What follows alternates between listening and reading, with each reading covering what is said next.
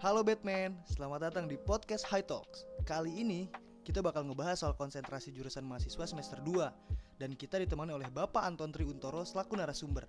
Pasti pada penasaran kan? Langsung aja kita menuju podcastnya. Check this out. Selamat siang, Pak. Selamat siang, Aul. Pak Anton sehat, Pak? Sehat, sehat, Alhamdulillah, aman, Allah. aman. Puji Tuhan. Alhamdulillah. Amin.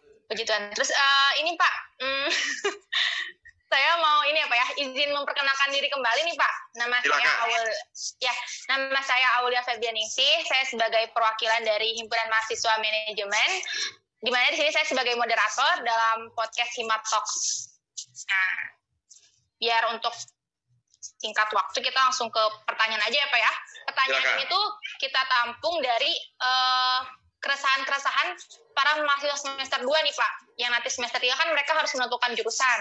Mau Ya. pemasaran, pasar modal, atau perbankan. Makanya kita ngadain podcast ini Pak. Oke. Sekarang kita langsung ke pertanyaan aja ya Pak ya. Tanya jawab santai aja ya. Pak ya. Ya, kalau bisa saya jawab, saya jawab. Mudah-mudahan bisa semua saya Iya jawab. Pak, mudah-mudahan. Oke, silakan, silakan. Nih Pak, kita secara umum dulu aja nih Pak nih. Sebenarnya kalau misalnya Oke. digambarkan secara umum nih Pak nih, perbankan itu tuh apa sih Pak? Konsen- konsentrasi perbankan itu apa? Oke, ya teman-teman menjawab tadi Kak Aul tadi selaku moder- moderator katanya teman-teman semester 2 resah. Ngapain hidup resah? Hidup udah susah jangan dibuat resah. Everything simple, dibikin simple aja ya, jangan resah-resah ya. Pak, benar. Oke, Iya, Pak. kalau pertanyaannya apa itu dunia perbankan, ya kebetulan saya berkecimpung di dunia perbankan hampir 25 tahun. Saya perkenalkan diri dulu ya, saya dulu di bank umum, ya di bank umum sampai di level eh, VP ya. Kemudian saya saat ini beralih ke Bank Perkreditan Rakyat. Saya sekarang menjabat sebagai direktur utama salah satu bank perkreditan rakyat. Tapi saya nggak usah sebutin namanya, nanti promosi ya.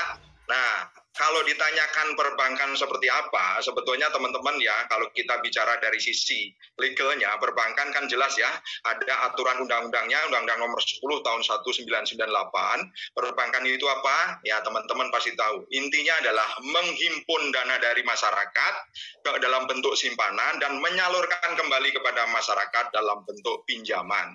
Nah, kalau tadi ditanyakan dunia perbankan seperti apa? Nanti kalau nanti jurusannya perbankan seperti apa?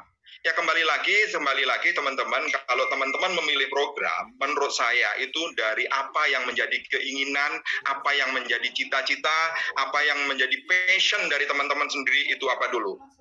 Tapi sebelum mengenai cita-cita, passion dan sebagainya kan paling tidak harus tahu minimal apa itu namanya perbankan secara intinya ya.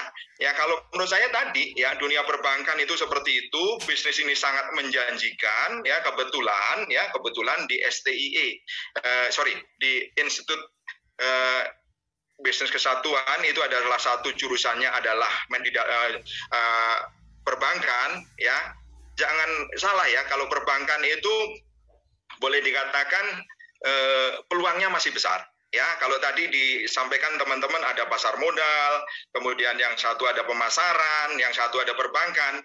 Saya nggak tahu dari pembicara yang sebelumnya apakah mempromosikan seperti apa lebih baik. Kalau menurut saya sama saja. Ya, sama saja mana yang lebih bagus tergantung dari niat, passion dari teman-teman semua. Nah, nanti kalau ama bertanya mengenai peluangnya seperti apa, ya boleh nanti ditanya berikutnya kira-kira apa. Tapi menjawab awal perbankan seperti apa kira-kira yang tadi saya sampaikan. Gitu, Kaul. Oke Pak, baik. Terima kasih Pak eh, penjelasan untuk secara umum perbankan ini seperti apa. Nah Ya. Pak, tadi ngomong-ngomong masalah passion nih Pak nih. Kalau pe- kalau passion passion atau skill apa sih Pak yang perlu kita siapkan kalau misalnya mahasiswa semester 2 itu mau milih konsentrasi perbankan Pak? Oke. Yang jelas teman-teman ya, ya kalau secara bisnis itu kan bank itu kan ada du, ada tiga, ada ada tiga ya. Apa itu bisnis eh, dalam tiga kategori golongan besar ya. Yang pertama adalah dana, kemudian adalah simpanan, yang ketiga adalah jasa. Nah, kalau berkaitan dengan passion, sebetulnya ya passionnya apa yang harus dimiliki, yaitu tadi keinginan dari teman-teman paling tidak untuk mengenal dunia perbankan. Ya, pertanyaan berikutnya, passion seperti apa? Tergantung, ya. Kalau dari sisi bisnisnya bank-bank itu ada dari yang namanya sisi bisnis artinya dari sisi marketing. Kemudian ada orang operasional kemudian ada orang risk. Kalau teman-teman ngerasa mempunyai talents ya talents istilahnya untuk bisa berkomunikasi dengan orang gampang melakukan negosiasi dan sebagainya itu bisnis di bank pasti ada. Nanti porsinya ada di tim bisnis. Kemudian kalau teman-teman nanti mempunyai ya keinginan untuk di bidang ketelitian, lebih teliti, kemudian senang dengan komputer dan sebagainya, itu ada di namanya bagian operasional. Terus teman-teman yang suka analisa, ya melihat segala sesuatu positif negatifnya seperti apa, kemudian nanti bisa mengukur positif negatifnya apa, kemudian memberikan rekomendasi, itu ada di risk. Jadi passion sebetulnya semua sama, ya semua sama dalam bisnis apa pun, dalam industri apa pun, itu bank ada, itu. Itu kira-kira sementara jawaban saya. Oke Pak, oh. baik. Uh, untuk ini Pak, perbankan kan kita sekarang lagi bahas perbankan nih Pak. Tadi kan kita udah bahas pasar modal sama narasumber yang lain juga, terus udah bahas pemasaran juga nih Pak. Nah, okay. untuk perbankan sendiri, apa sih yang ngebedain perbankan dengan jurusan-jurusan yang lain Pak nih? Eh, konsentrasi-konsentrasi yang lain. Oke. Okay teman-teman ya perbankan tentu saja sama dengan tadi kalau di pasar modal masih ada himpitannya ya di bidang keuangan ya. Kalau perbankan itu teman-teman kalau berdasarkan apa yang saya pahami itu coba bayangkan ya perbankan itu lebih menyentuh kepada dunia dunia nyata, lebih menyentuh kepada kehidupan rakyat. Ya, seperti yang saya sampaikan tadi, coba lihat ya, kalau tidak ada bank bayangkan seperti apa. Gimana ekonomi bisa berputar kalau tidak ada bank? Ya apakah dulu barter ya bisa jalan sekarang kondisi kan nggak mungkin. Nah, itu difasilitasi ya, oleh bank. Fungsi bank itu sebagai fungsi intermediary ya menghubungkan orang yang punya dana dan dengan orang yang membutuhkan dana. Kalau tidak ada bank coba bayangkan. Nah itu pentingnya bank posisi strategis. Di dalam pembangunan suatu negara ya ekonomi suatu negara bank itu bisa dikatakan sebagai urat nadi perekonomian jadi kalau urat nadi ini tidak ada, darah dari jantung dan oksigen dialirkan ke otak, ke kaki, ke tangan, nggak bisa jalan. Hmm. Nah inilah fungsi penting bank di dalam kehidupan masyarakat, di dalam negara, terutama di dalam kehidupan ekonomi suatu negara. Jadi pentingnya bank itu seperti itu. Gitu, iya Pak. Iya Pak. Untuk bank sendiri nih Pak, kan orang mahasiswa tuh pasti identik kalau misalnya ngambil perbankan itu pasti harus yang suka berhitung. Nah, apa benar Pak? Emang kalau misalnya yang masuk perbankan itu yang emang harus suka berhitung gitu Pak? Oke, bayangan teman-teman bang harus itu salah. Ya, tadi saya konsep tadi kan ada tiga saya. Ada bisnis ada or ya ini kan kalau kita bicara, kira-kira teman ini ngambil kuliah jurusan teman-teman apa tadi? Batman itu mau ngambil kuliah jurusan perbankan, kira-kira mau apa? Dasarnya apa? Tadi ada tiga komponen tidak butuh divisi dalam dunia perbankan yang harus yang yang biasanya menjadi karyawan di bank itu ada tiga tadi. Jadi kalau berhitung mungkin nanti tugasnya nanti dianalis atau sebagian di bagian operasional. Tapi kalau nggak berhitung pun nggak masalah. Anda bisa jual produk seperti orang marketing itu bisa juga di bank gitu loh. Jadi tidak melulu dunia eh, tidak melulu harus berhitung. Enggak ada itu. Salah itu kalau karena persepsi harus bisa berhitung. Jadi yang perlu di eh, yang perlu dipunyai oleh seorang calon karyawan bank itu yang penting adalah yang penting adalah ya bisa bergaul ya artinya bisa memasarkan produk perbankan ya kemudian yang kedua adalah tentu saja didasari ilmu pengetahuan perbankan tadi kalau berkaitan dengan operasional perbankan bahkan kalau berkaitan dengan resiko-resiko ya karena bisnis bank itu seperti itu. Bank itu ya antara bisnis bank itu seperti mata uang. Satu untung satu resiko rugi. Jadi kalau kita salah melakukan sesuatu rugi. Tapi kalau kita benar mengelola dengan baik manajemennya kita untung. Ya itu kira-kira. Ya pak. Baik. Untuk uh, perbankan sendiri nih Pak, di konsentrasi perbankan itu nanti uh, apa saja sih Pak mata kuliah yang bakal dipelajarin kalau misalnya mahasiswa itu mengambil konsentrasi perbankan gitu Pak? Oke, dunia eh, eh, berkaitan ilmu yang berkaitan perbankan tuh banyak ya. Ya, tadi saya saya saya intikan gini deh ya.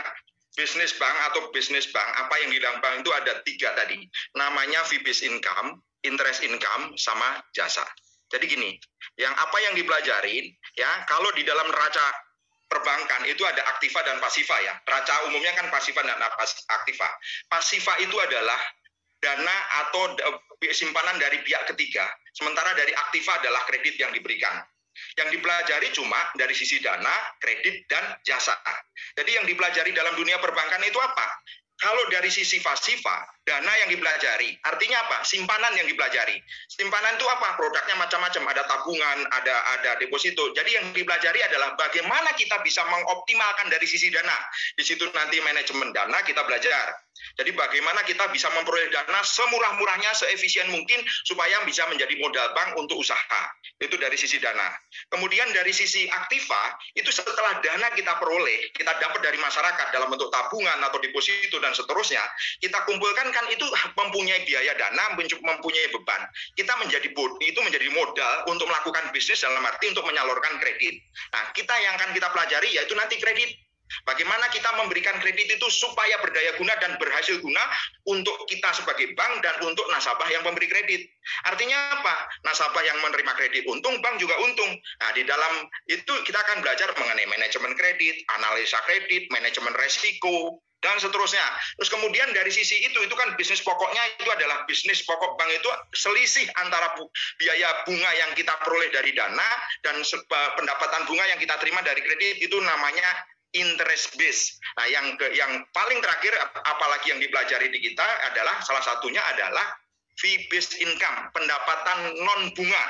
Ya, itu pendapatan non bunga itu apa? Jasa-jasa yang diberikan oleh bank. Misalnya, ya kalau kita transfer, ya kita tabungan kita mendapat biaya administrasi, kita transfer jasa transfer kita dapat biaya penyimpanan misalnya SDB safe deposit box itu kita dapat lah. Itu adalah bisnis-bisnis yang namanya BIPIS itu nanti kita akan pelajari juga di dalam uh, di dalam uh, mata kuliah perbankan. Kemudian bank itu sendiri adalah bisnis yang intinya adalah bisnis kepercayaan yang paling utama diberikan adalah pelayanan. Di situ nanti kita akan bayar, eh, kita akan belajar mengenai manajemen pelayanan bank.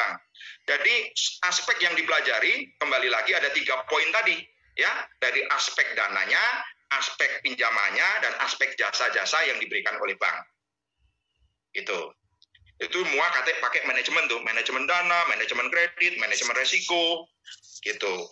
Oke baik Pak, jadi bermacam-macam manajemen ya Pak ya, ya itu dipelajari ya. di konsentrasi perbankan gitu. Untuk ini Pak, kerjasama sendiri nih Pak nih, kan kalau misalnya pasar modal tadi itu udah dijelasin uh, kerjasama dengan Bursa Efek Indonesia dan pemasaran juga kerjasama dengan Marketplace. Untuk konsentrasi perbankan nih udah ada kerjasama belum Pak kira-kira Pak? kalau saya yang uh, perbankan di di di, di kesatuan ya, kesatuan ya. itu kan ada bank bank uh, bank ini ya. Tapi kalau kerjasama bentuk dalam arti uh, ini sih belum ada ya. Saya pikir ya belum ada oh, memang ya. belum ada. Memang faktanya memang belum ada gitu.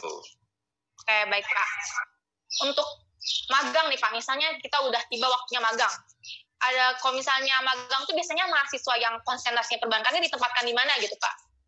Tergantung Ya, tergantung. Jadi gini ya, pada saat kita menjadi karyawan bank, itu kan ada banyak pilihan ya. Artinya gini, seleksi masuk menjadi karyawan bank itu juga banyak sekali caranya. Ya, kalau kita berbicara menjadi calon karyawan, biasanya bank itu ada beberapa beberapa macam jenjang pendidikan. Contoh, biasanya bank itu menggunakan yang paling sering itu adalah manajemen development program.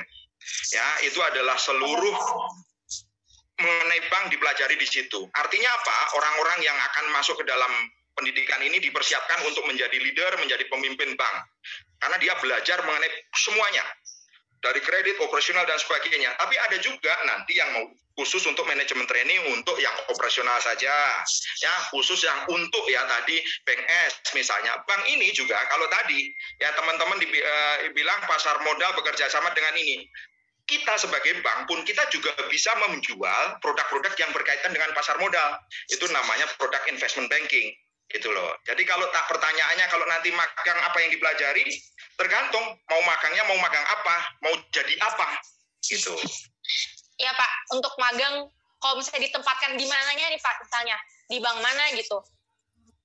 Saat ini ya kalau ya, saat, saat ini, ini saat ini untuk untuk kesatuan sih memang uh, mencari sendiri ya belum ada yang secara aliansi tradisi bentuk kerjasama dengan bank A bank B sih memang belum ada belum ada. Oh, iya, Pak. Tapi biasa secara individu mengajukan, jadi nanti tergantung dari network teman-teman, tergantung dari bank yang mana, dan rasanya sih hampir semua bank sih membuka diri ya untuk untuk Yes. untuk menerima eh, seperti ini semacam eh, magang. Jadi nggak ada Oh, masalah. iya. Jadi kan Oh, iya, kalau baik. boleh ngomong ya peluangnya banyak ya karena teman-teman tahu ya jumlah bank yang ada di Indonesia itu bank umum itu 90-an bank. Ya, teman-teman bisa lihat tuh, sepurataran Jalan Surya Kencana ada ada, ada berapa cabang bank. Itu bank umum. Ya, sementara bank perkreditan rakyat BPR itu ada 1.500-an. Ya, bank di bank itu kan menurut eh, perbankan di Indonesia kan dibagi menjadi bank dua, bank umum dan bank perkreditan rakyat. Jadi begitu banyaknya bank itu masih banyak peluang buat teman-teman semua. Belum dari jenisnya, ada bank umum konvensional dan bank umum syariah. Sama juga di BPR juga ada bank BPR eh, konvensional dan BPR syariah. Jadi peluangnya masih sangat banyak. Gitu. Iya, Pak. Tadi kan kita udah bahas tentang magang nih, Pak nih. Kalau misalnya prospek kerja sendiri, Pak, dari konsentrasi perbankan, prospek kerja itu bagaimana gitu, Pak? Eh, seperti yang saya sampaikan barusan ya, bank ini ya di Indonesia aja ada sera- 93 bank umum, 96-an lah, 90 sekian bank umum. Ya, itu bank umum itu ada beberapa golongan. Bank umum itu ada yang kalau bahasa teknisnya itu bank umum itu ada bank umum kegiatan usaha 1, 2, 3, 4. Itu tergantung dari modal inti. Ya, ya kalau eh, bank umum 4 itu bank yang besar-besar, yang modal intinya di atas 25 triliun ya itu kayak BCA Mandiri. Lah di Bank Indonesia itu ada sekitar 90-an lebih bank umum. Jadi kalau itu peluangnya masih banyak, ya. Terus BPR, BPR aja ada 1.500-an, di Bogor aja ada banyak ber- ada BPR. Jadi peluang itu masih besar, tapi tentu saja dengan perkembangan yang sekarang seperti ini, itu ada beberapa yang menurut saya juga mulai berkurang dari sisi bank. Contoh adalah ya dengan berkembangnya teknologi digital banking ya dengan adanya teknologi yang semakin tinggi itu justru untuk kegi anu, eh, bagian-bagian tertentu di bank mulai agak dikurangin. Contoh untuk operasional ya teller, CS itu mungkin sekarang ke depan mulai akan berkurang. Kenapa? Karena hampir sebagian besar bank-bank itu sekarang sudah mulai menciutkan cabang-cabangnya. Semuanya sekarang udah bagi by mobile banking, internet banking udah bisa berjalan. Tetapi ya kalau namanya di bisnis, teman-teman di dunia bisnis bank, artinya di marketing bank, itu peluangnya masih banyak banget. Masih banyak sekali ya bank-bank yang membutuhkan orang-orang yang mempunyai kapabilitas untuk menjual produk-produk bank, baik produk funding maupun produk lending, baik dari sisi pasifa maupun dari sisi aktiva. Itu Aul. Oke, baik, Pak. Kan kalau misalnya orang umum tuh kalau misalnya menganggap bank tuh kayak pasti ujungnya jadi karyawan biasa kayak gitu Pak suka ada aja gitu orang-orang yang mikirnya paling jadi teller kayak gitu Pak nah gimana tuh Pak menanggap menanggapi eh, orang-orang yang beranggapannya tuh kalau misalnya ke jurusan perbankan tuh kayak menganggap remeh lah Pak misalnya Oke. Ya. Anggapan sih boleh-boleh saja, tapi menurut saya itu tergantung dari orangnya masing-masing. Ya. Basic pertama kali orang terjun ke dunia perbankan memang biasanya dilihat dari sales atau marketing. Orang mau masuk pertama kali ke bank itu biasanya seperti itu. Career itu pasti ada, ya. Career path itu ada. Kesempatan terbuka luas tapi tergantung dari masing-masing orang. Ya, yang tadi saya sebutkan ya, kalau an- teman-teman mau berhasil, mau lebih cepat peluangnya, fast track-nya lebih kencang, kecepatannya untuk meraih anu, jabatan yang tinggi, masuklah program yang namanya Management Development Program. Ya, atau yang namanya di tempat lain bisa aja ODP, Officer Development Program. Itu aja biasa, itu adalah pembekalan di bank itu. Kalian nih teman-teman yang nanti akan lulus S1 itu akan direkrut, dia akan dengan saringan nanti akan di masukin lagi semacam kuliah sepa, sema, seba- kuliah yang isinya adalah praktek on the job sama teori. Itu 12 bulan ya. Itu saya alamin deli, sendiri kira-kira 21 23 tahun yang lalu ya. Itu kita belajar dari situ tahu semuanya dan itu dipersiapkan sebagai leader ya. Pasti bisa. Jadi kalau anggapan teman-teman bahwa nanti akan sales dan sebagainya balik lagi tergantung dari ya tergantung dari masing-masing individu. Dan bank itu bukan hanya sales loh ya.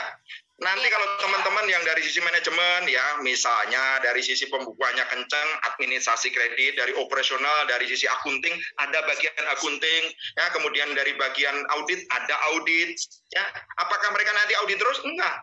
Dan mereka itu tetap butuh di dunia perbankan gitu. Iya Pak, kalau misalnya masalah perbankan nih Pak uh, ada gak sih Pak mata kuliah khusus yang kalau misalnya orang yang masuk banget tuh kamu harus digelutin mata kuliah ini kayak gitu Pak. Ada gak Pak mata kuliah apa tuh Pak kalau misalnya ada? Rasanya sih nggak ada ya. Semua mata kuliah berkaitan dengan dunia perbankan sama pentingnya. Ya, karena memang kita tidak bisa dipisahkan mana-mana yang ini yang lebih penting atau ini yang nggak penting. Ya, ya seperti yang saya sampaikan kuliah apa tadi semua penting karena aspek perbankan itu banyak. Ya, aspek perbankan itu banyak. Jadi eh, semuanya penting. Jadilah semua itu menguasai karena kalau hanya menguasai satu satu sisi gitu ya. Contoh tadi misalnya seorang direkrut untuk menjadi seorang akunting di bank. Nah, kalau akunting pengetahuannya akunting saja, ya nanti dia akan menjadi spesialis. Dia menjadi akunting officer di bank itu, akunting manager di situ, akunting di situ paling tinggi ya division akunting di bank itu. Tapi kalau dia tidak belajar mengenai bisnis bank, gimana cara jual produk bank, gimana dia cara tahu mengenai kredit, dia tidak tahu mengenai yang operasional yang lain, ya dia selesai. Tapi kalau dia belajar semuanya, ya dia akan bisa lanjut ke bahkan ke karir yang paling top gitu. Jadi kalau pertanyaannya apakah ada spesialis yang harus ditekanin, ya tadi kuncinya cuma dua tadi, belajar, eh tiga tadi, belajar dari sisi masih bank seperti apa, aktiva seperti apa, dan yang dikarenakan dengan produk dan jasa bank. Itu. Oke Pak, baik. Akhir kata nih Pak nih, uh, pertanyaan terakhir nih Pak nih. Uh, kalau misalnya orang yang masuk perbankan, kasih satu alasan ma mahasiswa kalau misalnya masuk perbankan gitu Pak. Kayak misalnya, ini loh masuk perbankan kayak gini, kayak gitu Pak. Kasih satu alasan bikin mahasiswa tuh kayak, oke, okay, ini perbankan, kayak gitu Pak Oke, agak susah nih kalau kayak gini nih. Saya generasi, saya generasi kalau saya dulu seder, kalau saya dulu sederhana ya, kalau saya dulu jujur saja yang ngomong nih kan ini kan terbuka ya. Saya dulu ya, pada Pak. waktu tahun 90-an awal saya masuk bank, itu pegawai bank tuh paling keren. Oh iya. Gedungnya paling keren. Nah, zaman dulu yang pakai dasi itu cuma karyawan bank, sekarang sales pakai bank, kan gitu kan? Nah, kalau sekarang pertanyaannya dari teman-teman apa yang masuk bank, ya saya ya gimana ya awal ya. Jadi alasan masuk perbankan karena perbankan menawarkan peluang ya, eh, peluang karir yang sangat bagus, prospek ke depan bisnis masih oke okay, karena terus terang dari sisi ekonomi ya uh, selama uh, pertumbuhan ekonomi kita yang selama ini uh, terbukti bagus ya kecuali masa pandemi ini ya ya dari sektor ekonomi keuangan dan perbankan itu mengenerate paling tinggi persentase pertumbuhan ekonomi ya ya dan di, di, di subsektornya keuangan perbankan itu masih ya menjadi stimulus menjadi poin utama penggerak hidup anu ekonomi gitu. Dan peluangnya masih besar loh dari sekarang ini ya dari studi Bank Dunia itu seluruh penduduk Indonesia yang berapa ratus juta ini hanya 50% orang dewasa yang baru memiliki rekening bank. Jadi peluangnya masih besar. Terus ya punten ya, kebetulan saya uh, tidak juga uh, mengenai uh, bank syariah ya. Dari ya, ya dari bank syariah ini kan sebetulnya perkembangannya masih luar biasa dari 180 jutaan orang dewasa yang muslim itu baru 20 sekian baru 18 sekian persen yang mempunyai rekening syariah. Dan itu menurut saya adalah peluang yang luar biasa. Yang luar biasa. Itu loh. Dan kalian juga lihatlah kalian sendiri ini kan sebetulnya kan nggak ada kan yang nggak punya rekening bank tapi sebetulnya bukan hanya sekedar sederhana itu punya rekening tabungan ATM mobil banking. Nggak itu. Banyak sekali yang kita bisa. Digital banking kita kembangin produk kita iya, bundling invest dengan investment kita link jual pasar modal reksadana melalui bank. Itu. Iya, sekarang juga banyak banget ya Pak ya. Juga sangat uh, lebar. Iya, dari internet juga udah banyak banget. Maksudnya pengembangan-pengembangan bank tuh nggak harus kita yeah. di iya. bank juga kita bisa buat rekening kan, kayak gitu yeah. Pak. Iya. Yeah. Jadi gitu sih Pak. udah cukup yeah menjawab kayaknya nih Pak nih semua peta jawaban dari Bapak tuh udah menjawab semua pertanyaan dari mahasiswa yang bingung menentuin jurusan tuh mana gitu Pak. Oke. Jangan Kasih apa ya udah. Ya. iya. waktunya masih longgar ya, cepet banget nih atau kecepatan? Iya, soalnya Bapak soalnya yang dijelasinnya bener-bener singkat, padat dan jelas. Amin, Pak. Jadi, amin. Aduh, semua, jangan begitu nanti semua. kayak gini nggak ngerti dibilang Panton nggak bisa jelasin, repot saya. soalnya pertanyaan yang saya jawab, yang saya tanyain kadang ada pertanyaan yang belum dijawab eh belum ditanya nih pak nih bapak udah ngejelasin ke situ pak jadi udah ya. jelas banget maksudnya semua pertanyaannya alhamdulillah udah terjawab gitu pak ya ya Sekali lagi ngucapin makasih ya Pak ya udah Sama-sama. Terima kasih. untuk ngejelasin gimana sih perbankan itu untuk menjawab juga dari kebingungan-kebingungan mahasiswa semester 2 nih Pak untuk menentukan jurusan gitu. Oke. Ya, Jangan makasih ya Pak ya. Ya, sama-sama. Terima kasih kembali. Salam Terima salam kasih, Pak, teman-teman ya. Saya cukup Iya, begini Pak. aja ya. Terima kasih. Iya, selamat siang ya Pak. Saya kembalikan lagi ini ke Kang Raffi. Selamat siang. Terima kasih. Iya, soalnya abis ini mau ada sesuatu nih Pak nih bentar. Oke. Kang Raffi, silakan Kang. Oke, Pak, bisa dengar suara saya, Pak? Masih dengar. Rafi. Rafi. Oke. Mantep banget, Pak. Pembahasannya benar-benar intens sampai Bapak aja Aduh, ngerasa, ngerasa cepet banget ya, Pak. Nah, Padahal itu- justru saya bilang kok cepet banget gitu loh. Saya bingung apa gimana, apa gimana nggak ngerti. Ya, mudah-mudahan lah bermanfaat. intens banget kok Pak kalau tadi kita merhatiin juga mungkin teman-teman panitia di sini juga tadi kan mewakili lah gitu kan teman-teman Ya. mahasiswa di rumah gitu jelas banget kita jadi beberapa tahu lah gitu penjelasan mengenai perbankan terus tadi juga udah pasar modal disampaikan oleh Pak Yoyon terus pemasaran dari Pak Adil insya Allah semoga sampai lah Pak ya pesan-pesannya gitu Amin. Amin. dan ingat kata Pak Anton jangan bingung ya Pak ya Ya, nggak usah bingung. Aduh, menentukan pilihan kok bingung. Yang penting passionnya, kalau tidak, tapi passion itu harus didasari dengan pengetahuan minimal pengetahuan awal dulu ya. Gitu. baik baik oke mungkin kita udah sampai di penghujung acara juga nih Pak Bapak menjadi interviewers ketiga juga saya mau ucapin terima kasih dan apresiasi banyak buat Bapak Ya, terima kasih. tapi Ya. bentar Pak sebelum kita tutup kita ada sedikit persembahan nih berupa insentif buat Bapak kepada operator boleh ditayangkan operator dan mungkin nantinya insentif ini juga akan diberikan kepada Bapak melalui via WhatsApp jalur pribadi apa ya Oke. lewat panitia humas kita. Nah, ini operator sedang menayangkan bentuk insentifnya.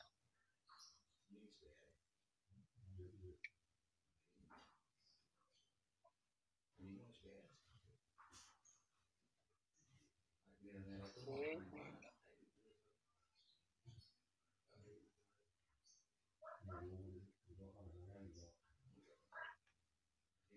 Gimana Pak? Sebelumnya apa udah kita bincang-bincang santai aja dulu ya Pak ya sambil menunggu insentifnya gitu ya Pak ya? Ya, Bapak Oke. sebelumnya mungkin udah banyak juga nih ikutan podcast-podcast sebelumnya gitu Pak? podcast sih terus terang baru pertama ya, baru Oh, pertama. Kalau Zoom meeting apa sering, kalau podcast baru pertama. Saya nggak ngerti, makanya tadi saya agak gaptep, saya asisten anak saya nih, asisten Wah. anak saya panggil sebentar. Kalau Maklum ya, keren, generasinya- Pak. Generasinya generasinya udah jadul. Saya lah kelahiran tahun berapa umur saya sudah 50 tahun. Kalian masih muda-muda. Kan gitu Iya, Pak kan? tadi tektokannya enak banget, Pak, ngobrolnya. Ya, amin. Jadi nggak kerasa banget. Ya. Itu. Ya, itulah paling gitulah ya. Semoga terjawab juga gitu ya Pak ya teman-teman tadi gitu. Atas pertanyaan-pertanyaan jujur ya Pak ya. Sebenarnya tuh pertanyaannya kita nampung banyak banget gitu Pak. Ya, sok mana ya? Apalagi Justru justru gini Pak, bener kata Ah. Teh Aul gitu ya. Sebelum Teh Aul menyampaikan pertanyaannya itu tuh sudah secara tidak langsung Bapak jelaskan secara general gitu Pak. Ya sebetulnya teman kamu si Lus April ya, April kemarin kan sempat WA. Tuju- Tujuannya apa? Saya bilang itu tujuannya untuk mengargue teman-teman yang semester 2 supaya berminat ke bank. Ya paling tidak ya gambaran umum perbankan aja kira-kira yang kita sampaikan. Saya ini praktisi ya sebetulnya ya. Jadi mungkin ya bicaranya secara praktikal. Praktisi yang nyebrang ke alamat akademisi. ya. Jadi saya praktisi dulu baru kemudian jadi dosen gitu loh. Oke. Itu. Oke Pak, mungkin ini kurang lebih sudah Bapak bisa lihat ya di sini mungkin ada Sudah, perspektif. terima kasih penghargaan dan terima kasih kepada saya sebagai pembicara dalam ini pembicara atau bukan ya? Belum pembicara lah ya. Artinya hanya penjawab gitu. Yo Pak, kita kita kemas dengan dia cukup keren lah, elegan dikit lah. Ya, oke. Mungkin ini Sudah nih kebaca, layarnya jelas. Ya. Terima kasih ya teman-teman IMA. Thank you. terima kasih juga Pak. Nah, itu dia pembahasan soal konsentrasi pemasaran. Gimana teman-teman? Semoga teman-teman mahasiswa semester 2 udah nggak bimbang lagi ya mau milih jurusan mana nantinya. Nantikan podcast kita selanjutnya ya. Bye bye.